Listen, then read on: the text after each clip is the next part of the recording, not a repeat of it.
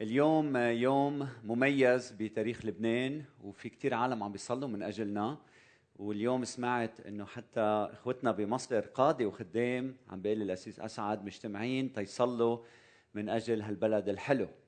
15 أيار يوم مهم لكن بالنسبة لي المهم أيضا مشاعر الناس ما بعد 15 أيار. كيف الناس عم بتحس كيف رح تحس يمكن البعض رح يشعر بانتصار يعلن عن هالشيء يمكن البعض يعلن عن انتصار لكن من جوا عنده مرارة عنده ألم عنده حزن عنده غضب.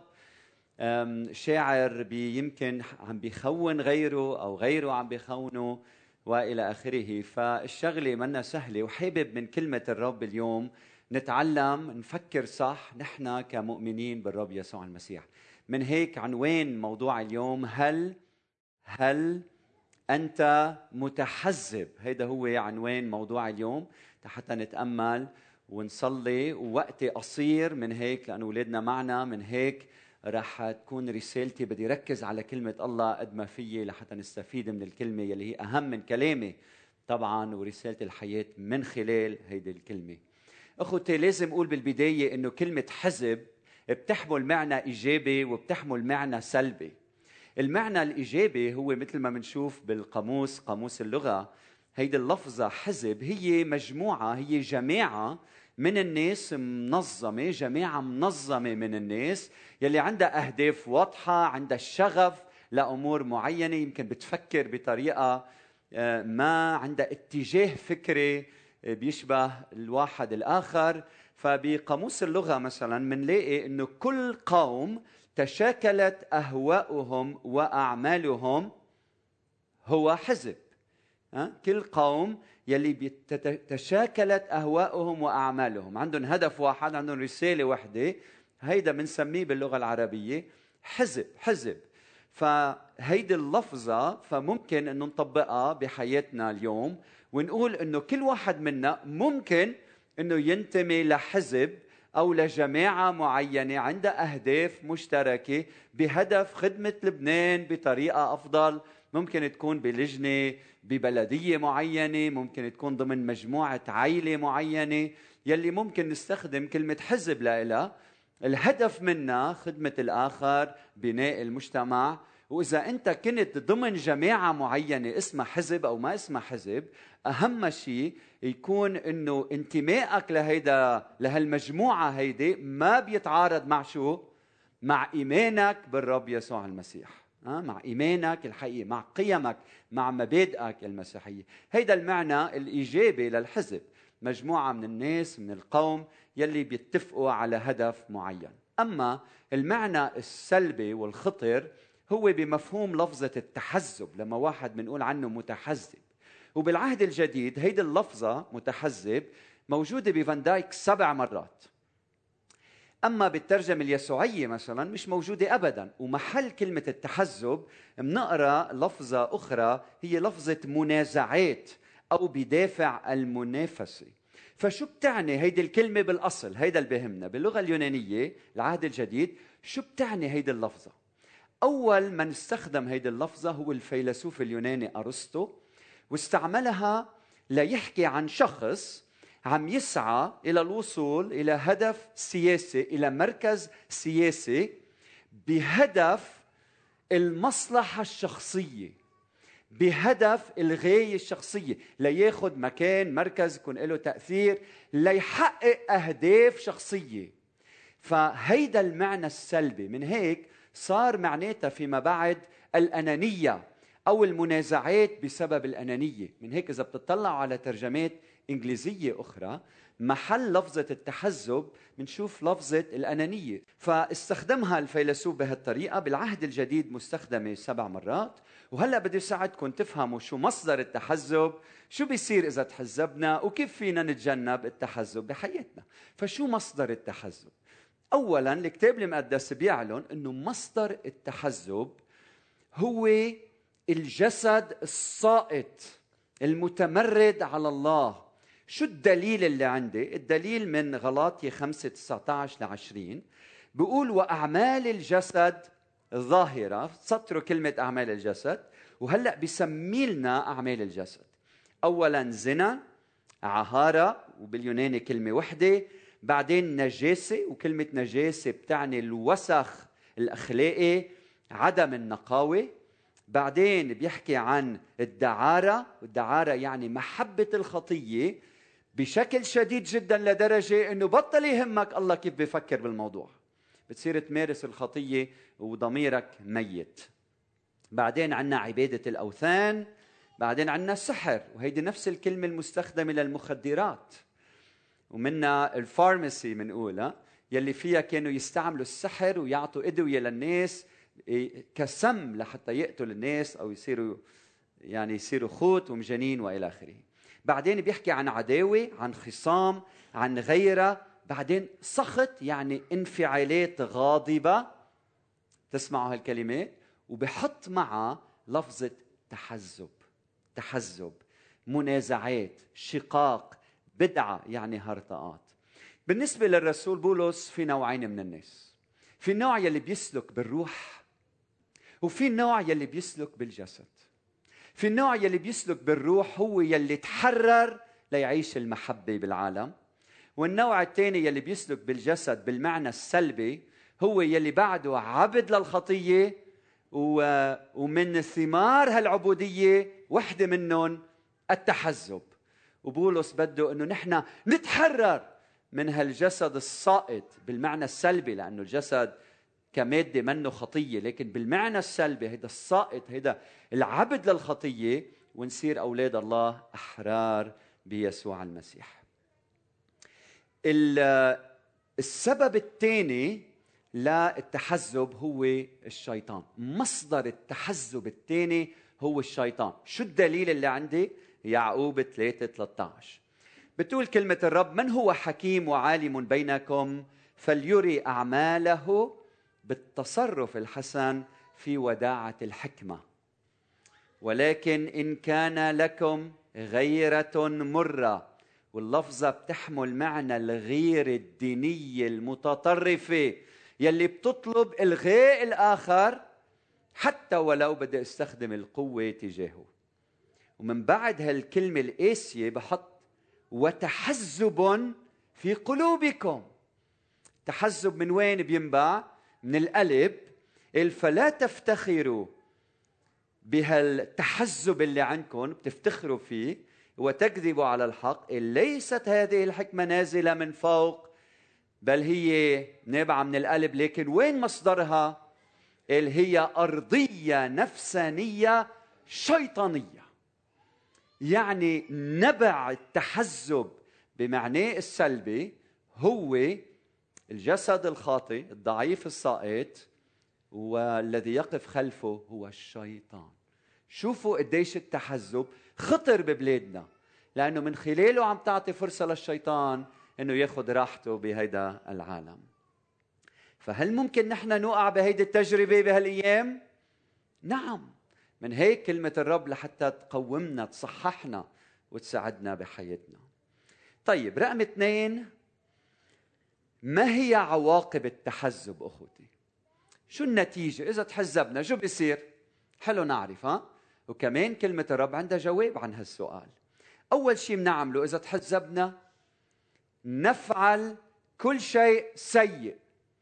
بتصير كل شيء بتتصرفه غلط وغلط ردود أفعال تصرفات سيئة تعمل الأمور الرديئة. طيب هل عندنا دليل؟ نعم.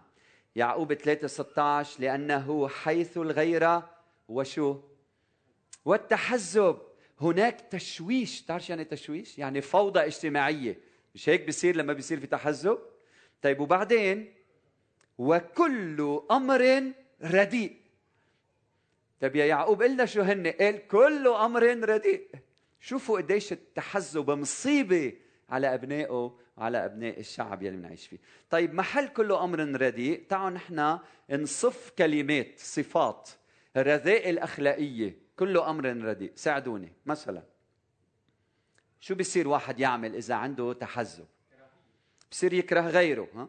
كله أمر رديء. هي وحدة منهم الكراهية. كمان الكذب بصير يكذب. النميمة بصير يحكي على غيره. عنصرية برافو بصير عنده عنصرية.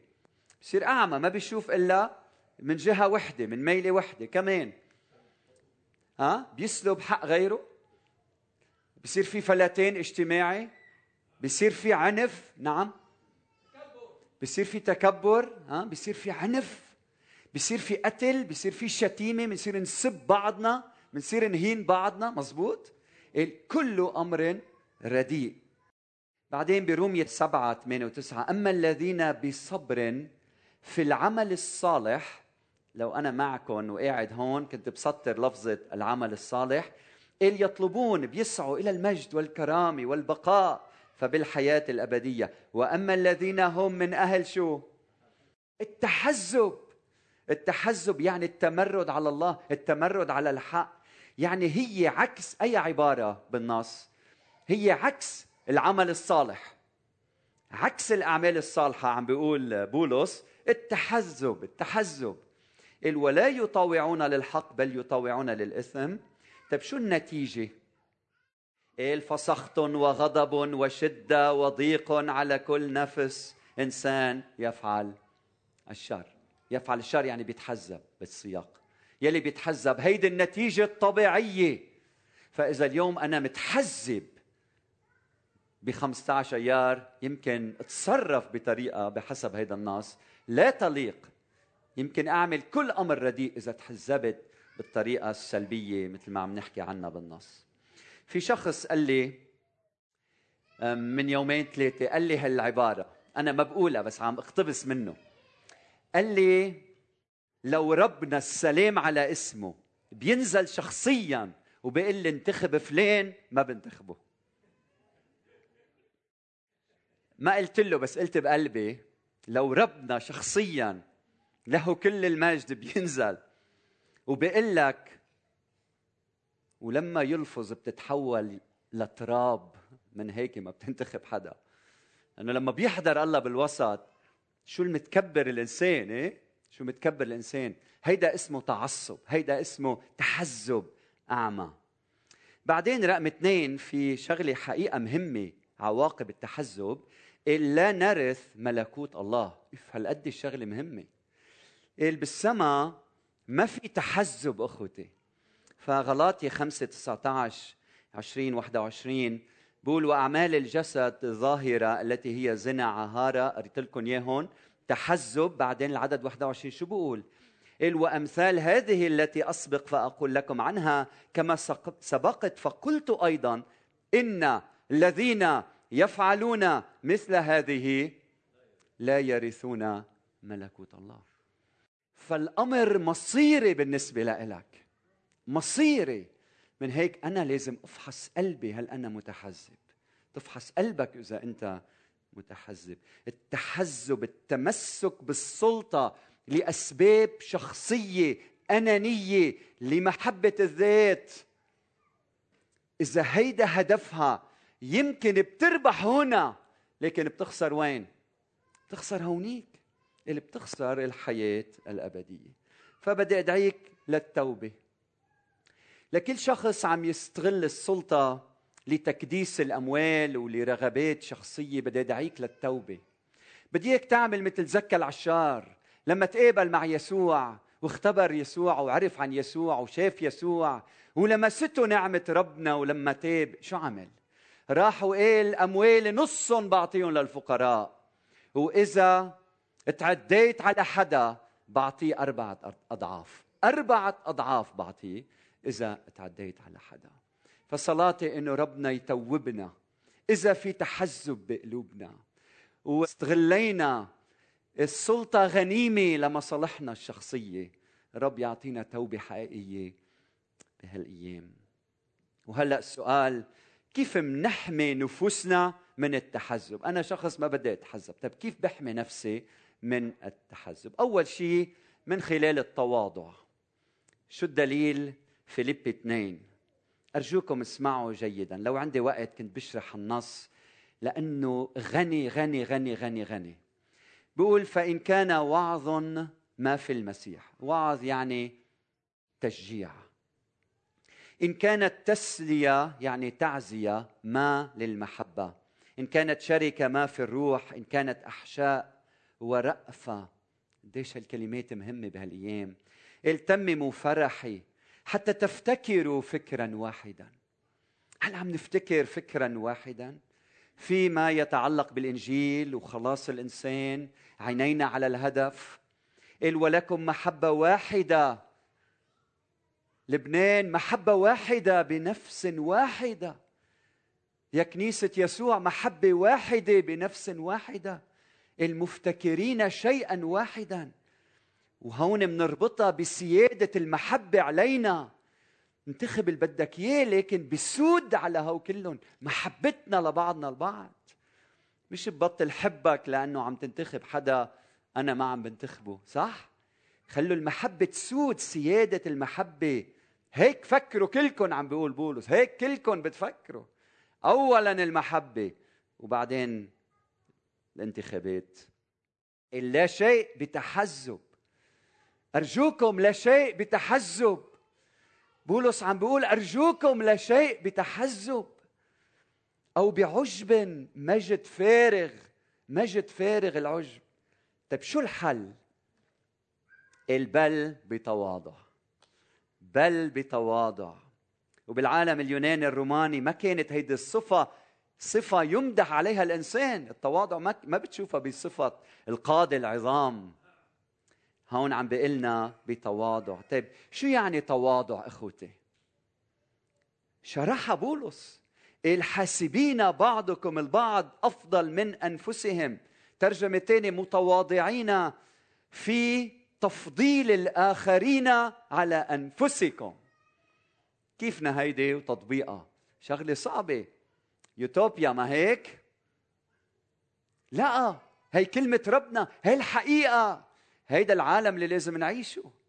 نفضل بعضنا البعض بالمحبة هيك بتظهر المحبة. لما حاجة الآخر بتصير أهم من حاجتي أهم من ذاتي هون بتظهر المحبة هون التواضع. تسألوني هيني لا كتير صعبة.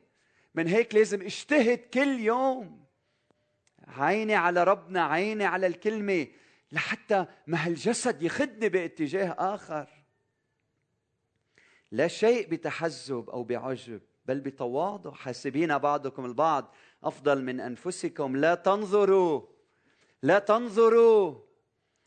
بعد لهم معنى هالكلمات بحياتنا اليوم. الا تنظروا كل واحد إلى ما هو لنفسه بل كل واحد إلى ما هو لآخرين أيضا. شو هالتعريف الحلو لكلمة التواضع هيدي. فليكن فيكم هذا الفكر الذي في المسيح يسوع وجورج قري علينا هالنص الجميل كيف يسوع ما فكر بنفسه تجسد بيناتنا صار عبد مثلنا ليعطينا الحياة ونشترك معه بملكوته الأزلي. هللويا. يسوع مرجعنا مثالنا زعيمنا. يسوع دايما عينينا عليه ليسوع. رقم اثنين كيف بنقدر نغلب التحزب. أول شيء التواضع رقم اثنين المضاد الحيوي ضد التحزب ثمر الروح. ثمر الروح. بغلاطي 5 19 إذا بتقروا السياق عم يحكي بولس عن أعمال الجسد الظاهرة وبيعددها وقريت لكم إياها. الزنا كذا كذا التحزب. طيب شو الحل يا الرسول بولس؟ شو الحل؟ مقابل أعمال الجسد يلي هي عديدة جدا بيقدم لنا ثمرة الروح يلي هي عنقود عنب واحد له ثمان حبات ها؟ يعني أنت ثمر الروح هي ثمرة وحدة هي بالمفرد بتاخذها هالدواء المضاد ضد التحزب. طيب شو هن المحبة مثل ما بتعرفوا؟ شو شو المحبة؟ المحبة الميل نحو الخير. تعمل الخير للآخر تقدم الأفضل للآخر. الميل نحو الخير دائما. هي المحبة. بعدين الفرح والسر هون لما تزيد عليها لفظة كل حين. الفرح كل حين. دائما لما تفكر بالفرح بدك تمدس كل حين. وبعدين السلام والكلمة المفتاحية على الرغم. دائما بتقول السلام على الرغم. على الرغم إني عم بكبر بالسن على الرغم إني صحتي مش كل هالقد على الرغم إنه الوضع بلبنان مش منيح على الرغم إنه الاقتصاد منهار. سلام لأنه السلام ما له علاقة بظروف الحياة. هيدا نوع السلام اللي عم يحكي عنه. بعدين طول أنات لطف لطف من بعدها بتفكر لما القريب يكون غير لطيف. مش لطف لما الآخر يكون بيعقد ولذيذ. لطف لما القريب يكون غير لطيف. هون انت بتبين ثمر الروح بحياتك. صلاح إيمان إيمان. اللي بتعني الأمانة واللي بتعني الإيمان بإله عظيم قادر يغير الظروف وداعة تعفف. ضد أمثال هذه التحزب ليس ناموس ابدا. لكن رقم اثنين ثمر الروح ورقم ثلاثة الحكمة السماوية. طيب هي من وين جبناها؟ من يعقوب الفصل الثالث. يعقوب الفصل الثالث بيحكي بالعدد 16 عن التحزب، التحزب. مصدر التحزب بيقول يعقوب الحكمة الأرضية النفسانية الشيطانية. طيب شو بيقابلها؟ حكمة من نوع آخر، حكمة من نوع آخر. بالعدد 17 بيقول أما الحكمة التي هي من فوق فهي متحزبة فهي اولا طاهرة. ما فيها زغل نظيفة طاهرة نقية حلوة. ثم مسالمة. هل أنت مسالم؟ عندما تستفز. مهمة بهالأيام قديش في ناس تستفز اليوم؟ هل أنت مسالم عندما تستفز؟ هل حكمتك بتحقق السلام ولا بتكتر لك؟ مصرياتك ومراكزك لأهدافك الشخصية. هل حكمتك بتحقق السلام بهذا العالم؟ المترفقة شو حلوة كلمة مترفقة. هل نحن هل أنا أنت مترفق؟ يعني متسامح يعني لطيف. المذعنة يعني وديعة. كلمة مذعنة بتعرف شو يعني؟ يعني قابلة للتعلم قابلة للنمو إني أتغير. هيدي مذعنة. المملوءة رحمة واثمارا صالحة عملا صالحا عديمة الريب.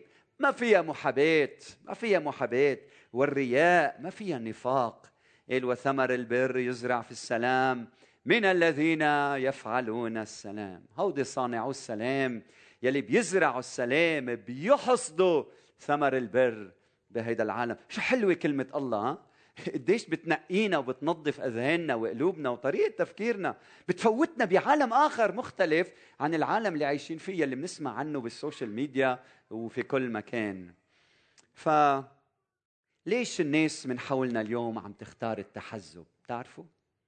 لأنه ما في تواضع لأنه ما في ثمر الروح ولأنه ما في هالحكمة السماوية يلي كل ما نقعد معه بنكتسبها وكل ما نقرأ كلمته بناخذها فالتحزب نتيجة طبيعية لابتعادنا عن الله عن الإله الحي عن الرب يسوع المسيح. فإذا نحن تحزبنا تأثيرنا أسوأ بكثير من الناس اللي حوالينا. عم خلص عم بختم. إذا نحن المؤمنين تحزبنا تأثيرنا أكبر بكثير من الناس الآخرين صح؟ أنا بيي كان يدخن كان يشرب علبة علبتين بالنهار. ونحن ربينا بجو الوالد بدخن. وكان الحكيم يقول له نجاح ما بقى تدخن وقف الدخان. صحتك بتصير أحسن. بس هو شو كان يعمل؟ كان يضل يدخن. يوم من الأيام عندنا نحن بالعيلة حكيم جراح خينا وصديقنا من العيلة. فمرة أنا دخلت على محل شفته قاعد هو وخيه والحكيم عم بيدخن. انتبهوا معي. تأثيره على حياتي كان أكثر بكثير من تأثير والدي يلي منه حكيم منه طبيب يلي كل هالسنين عم شوفه عم بيدخن. بس لما شفت الحكيم يلي بيقول للناس ما تدخنوا هو عم بيدخن أثر أكثر بكثير بحياتي. فإذا نحن المؤمنين يلي من نادي بالمحبة تحزبنا. شو بنعمل بالعالم حول منا